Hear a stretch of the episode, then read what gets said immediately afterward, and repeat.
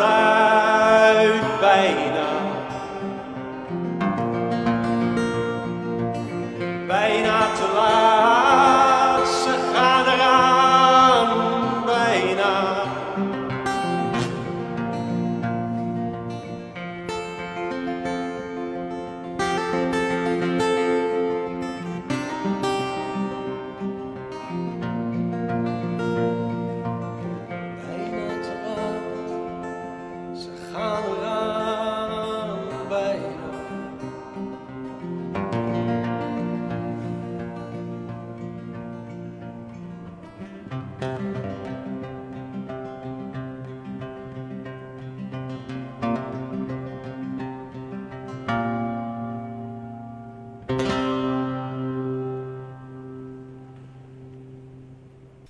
Dit is de tweede podcast met een weergave van het symposium ten nagedachtenis aan dominee Jan Koopmans, opgenomen op 29 oktober 2020 in de Noorderkerk te Amsterdam. We gaan eh, meteen door naar Amma Assante. Amma Assante zat namens de PvdA in de Tweede Kamer en sinds 2019 is ze voorzitter van de Landelijke Cliëntenraad. En dat is de officiële gesprekspartner van de overheid namens de cliënten van de sociale zekerheid. Graag een warm applaus voor Assante.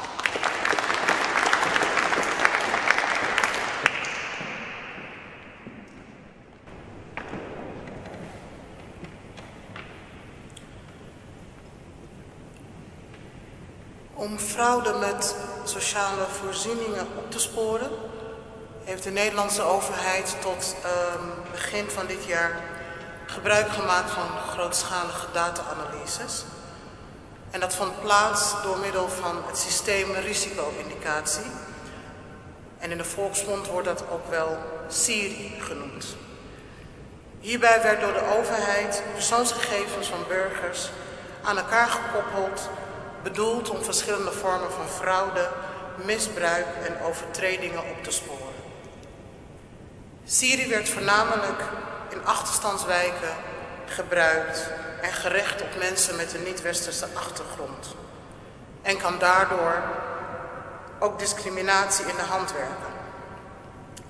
Het gaat om een koppeling van arbeidsgegevens, huisvestingsgegevens, handelsgegevens, boetes, sancties, fiscale gegevens, gegevens over onroerende en roerende goederen, identificerende gegevens, inburgeringsgegevens, nalevingsgegevens, onderwijs, pensioen, reïntegratie, schulden, uitkeringen, toeslagen, subsidies, vergunningen en ontheffingen. Er is bijna geen persoongegeven te bedenken die niet onder de Siri-wet viel en niet gebruikt mocht worden. Gemeenten, het UWV, Uitvoeringsinstituut Werknemersverzekeringen, de Sociale Verzekeringsbank, die onder andere de AOW en kinderbijslag uitkeert, de Inspectie voor Sociale Zaken en Werkgelegenheid, voorheen de Sociale Inlichting en Opsporingsdienst, en de Belastingdienst zijn de instanties die konden verzoeken om een risicoanalyse uit te voeren. En dat gebeurde wanneer twee of meer van deze organisaties een samenwerkingsverband sloten. De aangeleverde gegevensbestanden werden vervolgens volgens de blackbox-methode verwerkt en dat ging als volgt. De bestanden die gekoppeld moesten worden werden eerst gepseudonymiseerd, daarna wordt een koppeling gemaakt, dan volgt een analyse waardoor de mogelijke fraudegevallen naar voren komen en de mogelijke fraudegevallen worden dan weer van hun oorspronkelijke naam voorzien. En mogelijk konden ook nog andere organisaties of bestuursorganen de risicoregistraties raadplegen. Dat was niet duidelijk. De vragende organisaties zijn verplicht om nader te onderzoeken of het echt om fraude gaat voordat ze een sanctie zoals een boete of een naheffing kunnen opleggen. De risicomeldingen worden opgenomen in een register dat burgers op aanvraag kunnen inzien. Burgers worden dus niet automatisch op de hoogte gesteld van het onderzoek en weten dus ook niet dat ze verdacht zijn en op grond waarvan. Het inlichtingenbureau vernietigde vervolgens direct alle resultaten die niet op een verhoogd risico duiden en het ministerie van Sociale Zaken en Werkgelegenheid bewaarde vervolgens de risicomeldingen maximaal twee jaar. Sinds Syrië in 2014 in gebruik werd genomen, is er geen enkel geval van fraude mee opgespoord, ontdekte de Volkskrant afgelopen juni. Een coalitie van acht burgerrechten en privacyorganisaties, waaronder het Nederlandse Juristencomité voor de Mensenrechten, Platform Bescherming Burgerrechten, FNV en de Landelijke Cliëntenraad, heeft de Nederlandse staat aangeklaagd omdat we vonden dat Syrië fundamentele mensenrechten schendt. En op 5 februari 2020 werden we hierin door de rechtbank in Den Haag in het gelijk gestemd. De rechtbank oordeelde dat Syrië een buitenproportionele inbreuk deed op het privéleven en in strijd was met het Europees Verdrag voor de Rechten van de Mens.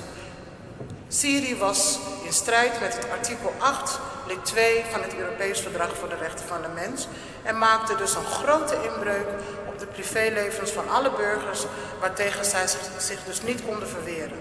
En daarbij komt ook nog eens dat Syrië niet transparant was en niet controleerbaar. Inmiddels weten we dat een nieuwe poging wordt ondernomen door de overheid om toch door middel van big data fraude op te sporen.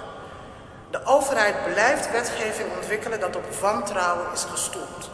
Want wie in Nederland afhankelijk is van de overheid, onze belastingcentjes, is bij voorbaat al verdacht.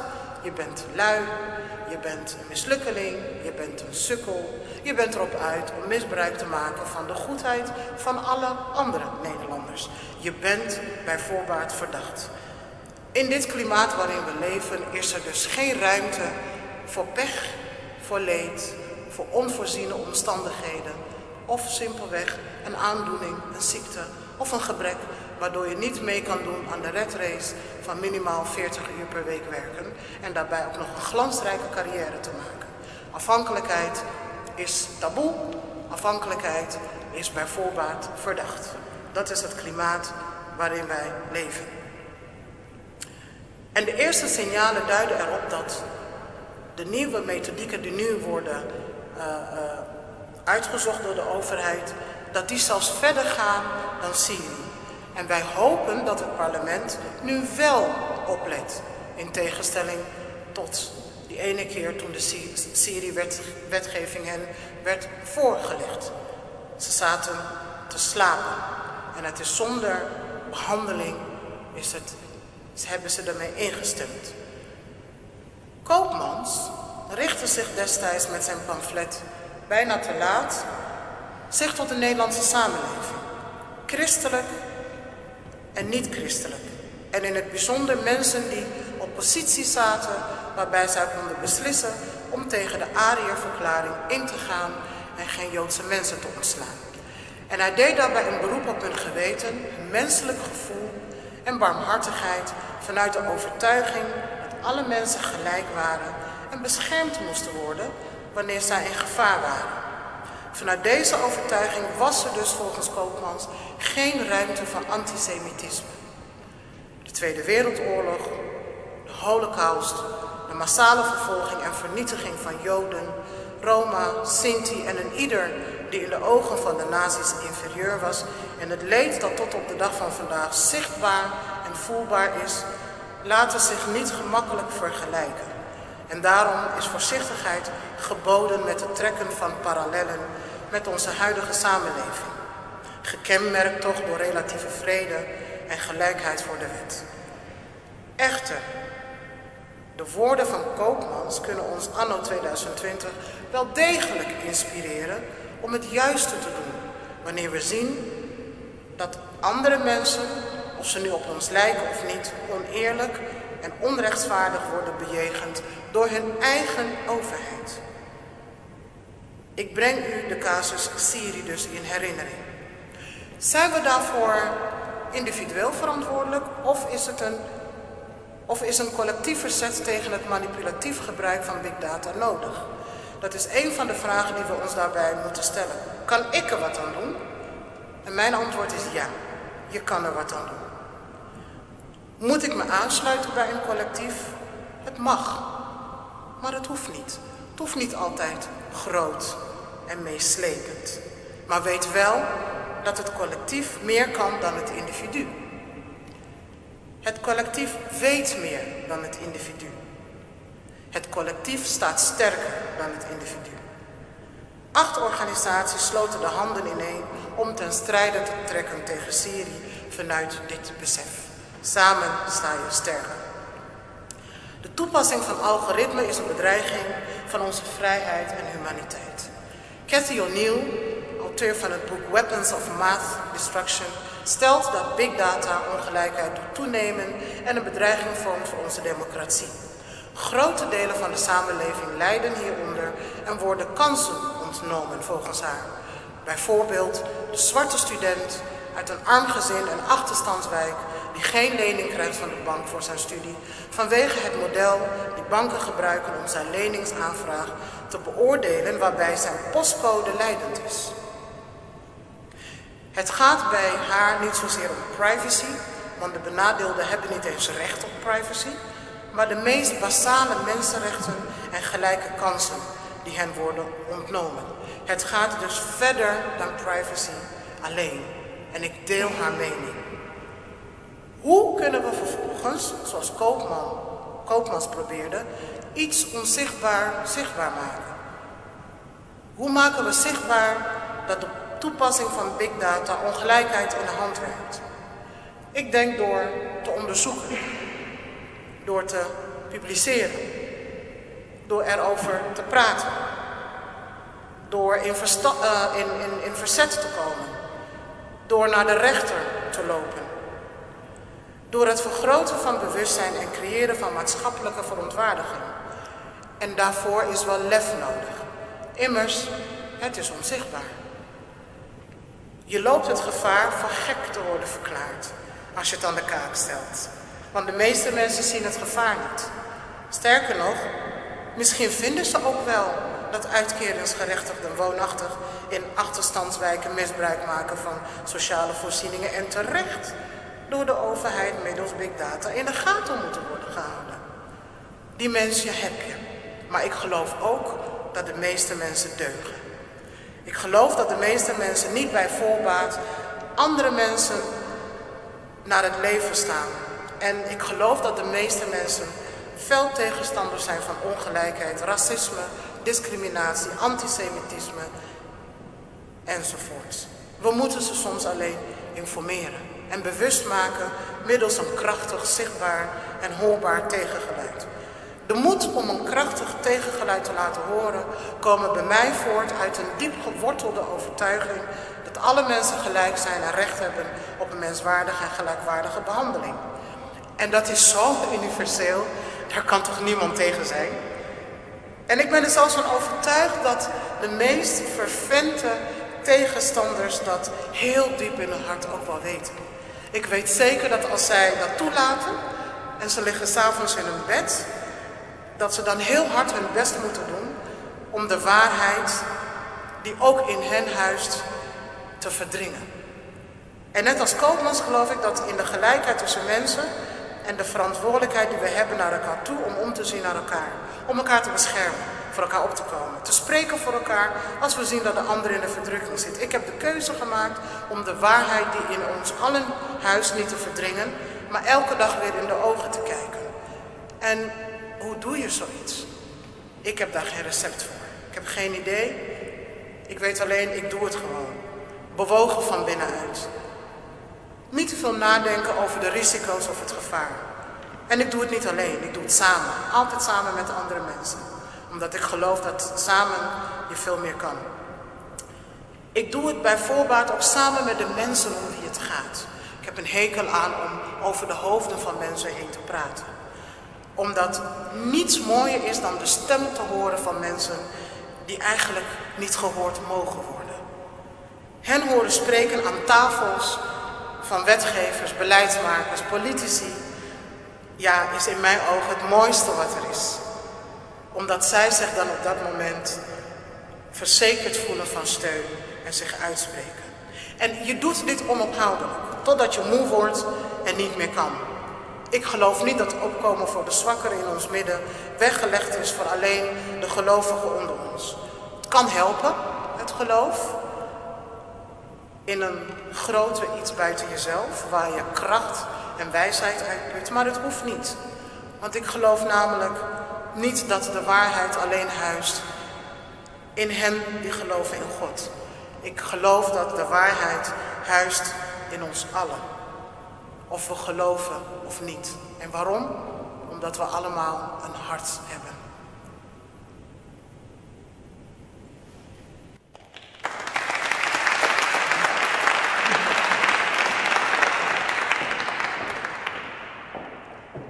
Heel hartelijk dank, Anna Assante. We hebben de laatste spreker, Lonneke van der Velde. Zij is uh, onderzoeker naar dataactivisme bij de afdeling Mediastudies van de Universiteit van Amsterdam. En daarnaast ook voorzitter van het bestuur van uh, burgerrechten, digitale burgerrechtenorganisatie Bits of Freedom. Graag een applaus voor Lonneke van der Velde.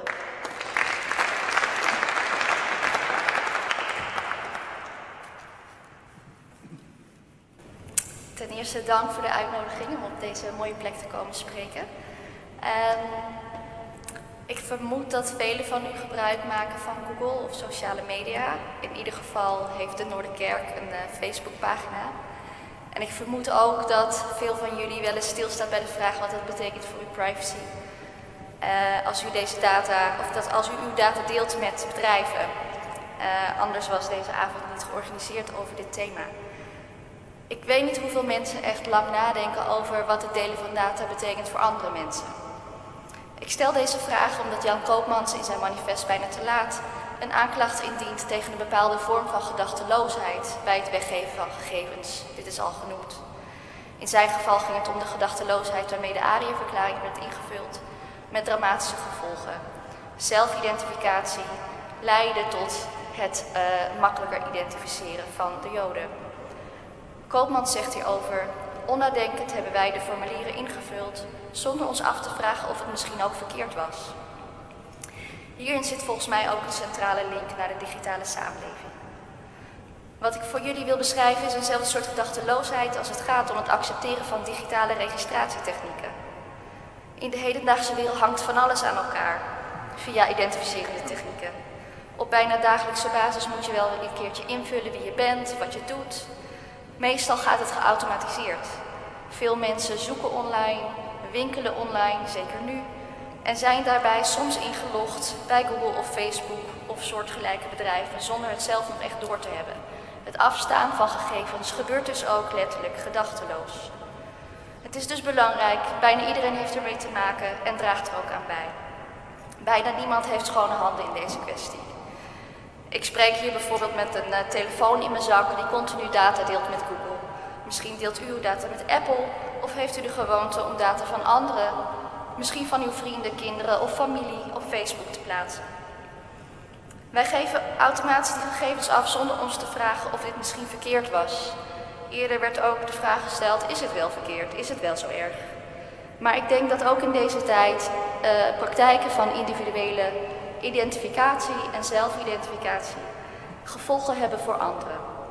Deze gevolgen kunnen vervelend en soms dramatisch uitpakken voor mensen in een minder bevoorrechte positie. Ik zal in mijn verhaal ingaan op een aantal van deze gevolgen en daarna wat voorbeelden geven van hoe mensen proberen de digitale vrijheid te bevechten.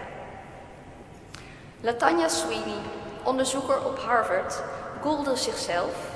En ze googelde zichzelf, ik kan het bijna niet horen door de gang. Ze googelde zichzelf en ze vroeg zich af waarom zij reclame kreeg over uh, reclame dat, die suggereerde dat zij een crimineel verleden had. Toen zij wat systematischer ging onderzoeken, bleken dat namen die worden geassocieerd met zwarte mensen 25% meer kans hadden op het ontvangen van dit type advertenties dan namen die geassocieerd worden met witte mensen. Als Google denkt dat je zwart bent, dan vindt het algoritme blijkbaar dat je gelinkt moet worden met informatie over criminaliteit. Dit is een wat ouder voorbeeld, maar het laat wel een helder zien dat de verwerking van digitale gegevens niet voor iedereen hetzelfde uitpakt. Recenter is de ervaring van Joy Boalamwini, die niet herkend werd door gezichtsherkenningssoftware waarmee zij experimenteerde op haar universiteit. Pas toen zij een wit masker opzette, werd haar gezicht herkend als gezicht. Ook zij deed uitgebreid onderzoek naar hoe dit kwam. Ze onderzocht verschillende bedrijven En hieruit bleek dat de bedrijven bij het testen van de software vrouwen van kleur min of meer vergeten waren. Het percentage foto's van vrouwen van kleur was maar iets van 4,5 procent. Wellicht denkt u, dat is jammer, maar dat is niet vergelijkbaar met de kwestie waar Koopmans het over had. Uh, momentje.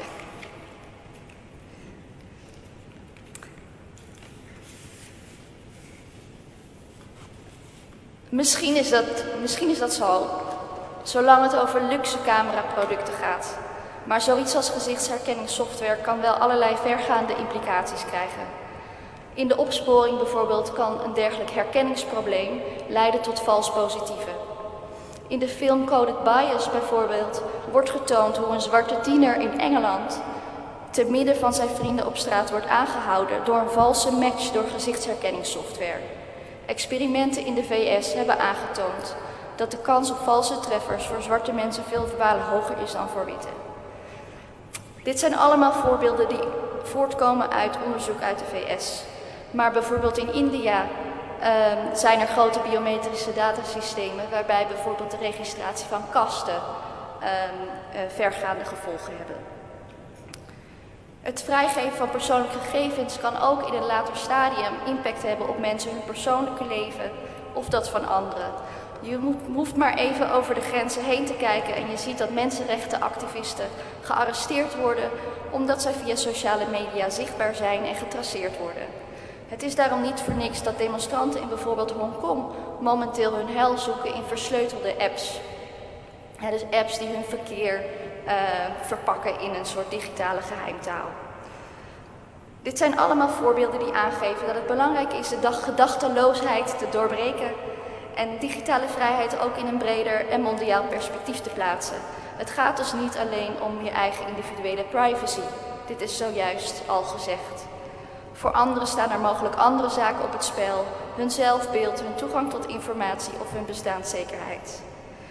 Ik heb het vooral gehad over de gevolgen van informatie die we zelf uploaden of gedachteloos laten verzamelen door bedrijven. Maar overheidsinstanties spelen ook een grote rol in dit verhaal. Syrië is net al uitgebreid besproken, dus dit kan ik van mijn verhaal uh, uh, weghalen. Um, maar we hebben ook de, uh, bijvoorbeeld de toeslagaffaire gehad, uh, waarbij er etnisch geprofileerd werd door de Belastingdienst. Door het invullen van het vakje nationaliteit werden mensen met een dubbele nationaliteit in een risicoprofiel geplaatst. Het is daarom belangrijk om publieke instituties te blijven aanspreken op de mogelijke negatieve impact van digitale identificatie, surveillance en profilering. De organisatie waar ik vrijwilliger voor ben, Bits Freedom, probeert op dit gebied een kritische luis in de pels te zijn. Als het gaat om overheden, bedrijven en inlichtingendiensten. Zij probeert politici, beleidmakers en het grote publiek ervan bewust te maken dat digitale vrijheid actief beschermd moet worden. De vraag van vanavond is wie redt onze vrijheid? Ik zou liever niet alleen op onze eigen omgeving willen focussen. De wereld kent tal van organisaties en individuen die proberen uh, digitale vrijheid te bevechten. Al moet ik zeggen dat ik doorgaans spreek over digitale weerbaarheid en minder over digitale vrijheid. Um, binnen mijn onderzoek kom ik mensen tegen die ondersteuning bieden aan activisten en journalisten in gebieden waar mensenrechten schendingen plaatsvinden. Zij zijn vaak gebaat bij technieken die helpen om hun gegevens te anonimiseren of te versleutelen. Denk bijvoorbeeld aan beeldmateriaal dat mensen proberen uh, gepubliceerd te krijgen. Um, denk ook aan het uh, uh, aannemen van een valse digitale identiteit, die het mogelijk maakt om onderzoek te doen op het internet zonder direct zelf herkenbaar gemaakt te worden. Je kan ook denken aan data die gewoon over de grens gesmokkeld moet worden en dus uh, op een bepaalde manier ja, verhuld moet worden. daar wordt door mensen aan gewerkt. Je kan ook denken aan de bescherming van websites van feministen. Deze sites worden wel eens vaker aangevallen via cyberattacks. En het is nodig om de servers van deze websites extra veilig in te richten. Dit zijn allemaal technische interventies in digitale veiligheid die een bijdrage kunnen leveren aan de bewegingsvrijheid of de persvrijheid van mensen. omdat zij vormen van digitale registratie proberen te ontwijken. Er wordt wel eens gezegd dingen als versleuteling, dat is toch meer symptoombestrijding voor het grotere probleem. Um, dat is wellicht zo, um, maar toch denk ik dat um, voor mensen die echt in zo'n situatie zitten, dus data over de grens heen moeten krijgen, uh, verdronken vluchtelingen werd ook al genoemd. De, de, mensen die dus met boten daarheen gaan om toch iets proberen te doen, die moeten ook met elkaar bellen. Uh, die uh, moeten ook communiceren. Nou, dit soort mensen zijn daar wel bij gebaat. Het gebeurt heel vaak anoniem en dus minder heroïs, maar het maakt hun niet minder belangrijk. Als er mensen zich in het publiek bevinden die zich afvragen: hoe kan ik zelf die gedachteloosheid in relatie tot technologie uh, doorbreken? Dan zou ik willen zeggen: begin met klein experimenteren. Probeer bijvoorbeeld eens een app zoals Signal op je telefoon te zetten. Dat is echt een hele makkelijke app die je berichten en je belverkeer versleutelt. Zie dit ook als je verantwoordelijkheid op het moment dat je werkt met mensen in een precaire situatie, bijvoorbeeld vluchtelingen. Je zult vanzelf zien dat de contacten waarvan je, dat misschien niet had verwacht, Signal ook aan het uitproberen zijn. Zo kan een netwerk klein beginnen en groot eindigen. Probeer eens te minderen met wat je allemaal op Facebook zet. Zeker als het gaat om gegevens van anderen. Want misschien is je kind of je nichtje later helemaal niet gebaat bij een online geschiedenis die gedefinieerd wordt door u en door Facebook. Verder zou je natuurlijk op meer maatschappelijk niveau protesten kunnen steunen. Denk aan de protesten uh, tegen systemen zoals Syrië, maar ook protesten van individuen die het lef hebben om proble problemen aan te kaarten uh, door zichzelf bloot te geven. Ik noemde al Joy Bualamwini, die de harde realiteit liet zien. Dat zij volgens de gezichtsherkenningssoftware geen herkenbaar gezicht had. Ik vind het zuur dat zij dit als persoon individueel moet aanzwengelen, in plaats van dat hier collectief over wordt gewaakt. De laatste vraag was: is het bijna te laat? Ik denk niet dat we hoeven te wachten op um, of vergelijkingen hoeven te maken uh, met een, uh, een, een, een, nieuwe vorm van fascisme dat in opkomst is. We hoeven ook niet te wachten op een soort hoogtepunt van digitale controle. Uh, veel mensen ondervinden soms historische vormen van uitsluiting, waar technologie simpelweg een nieuwe vorm aangeeft. Het is daarom van belang, denk ik, om digitale technieken ook in te zetten waar dat kan, ten behoeve van een permanente weerbaarheid.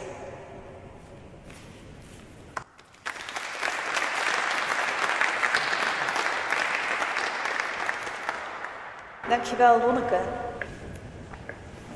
Dank jullie wel voor jullie. Ja, we staan op een enorme afstand van elkaar, maar dat is natuurlijk wel zo veilig.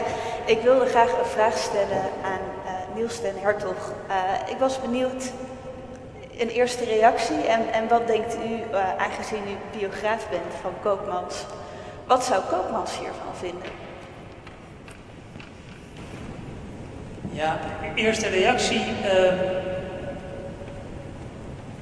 vind ik lastig, daar ben ik nooit heel goed in. Uh, ik, ben wel onder de indruk van wat uh, de dames allemaal naar voren hebben gebracht aan dingen die ik zo niet gezien had.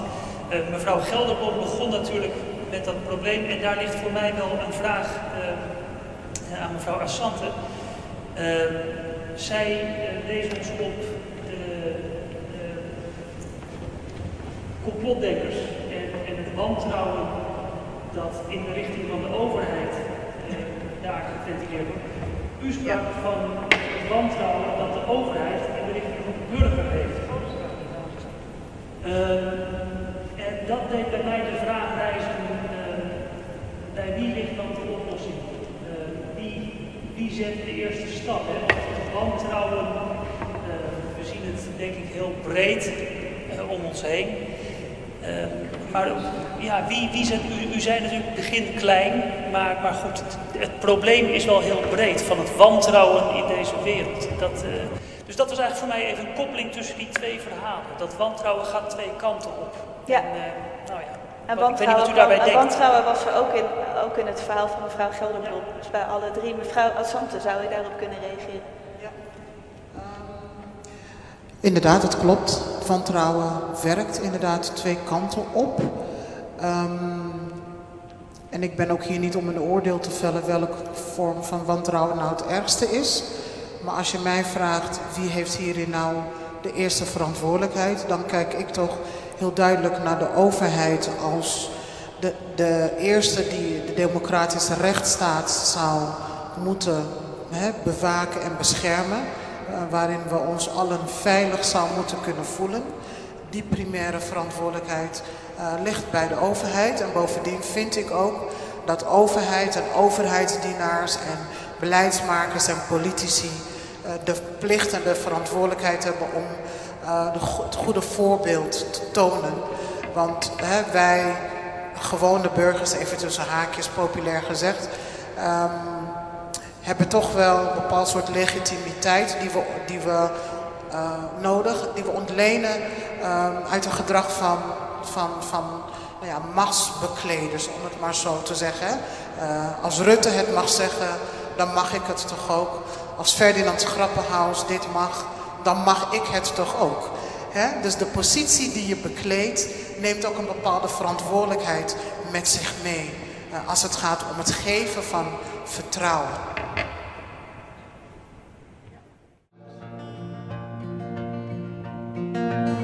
Bijna te laat, ze gaan eruit.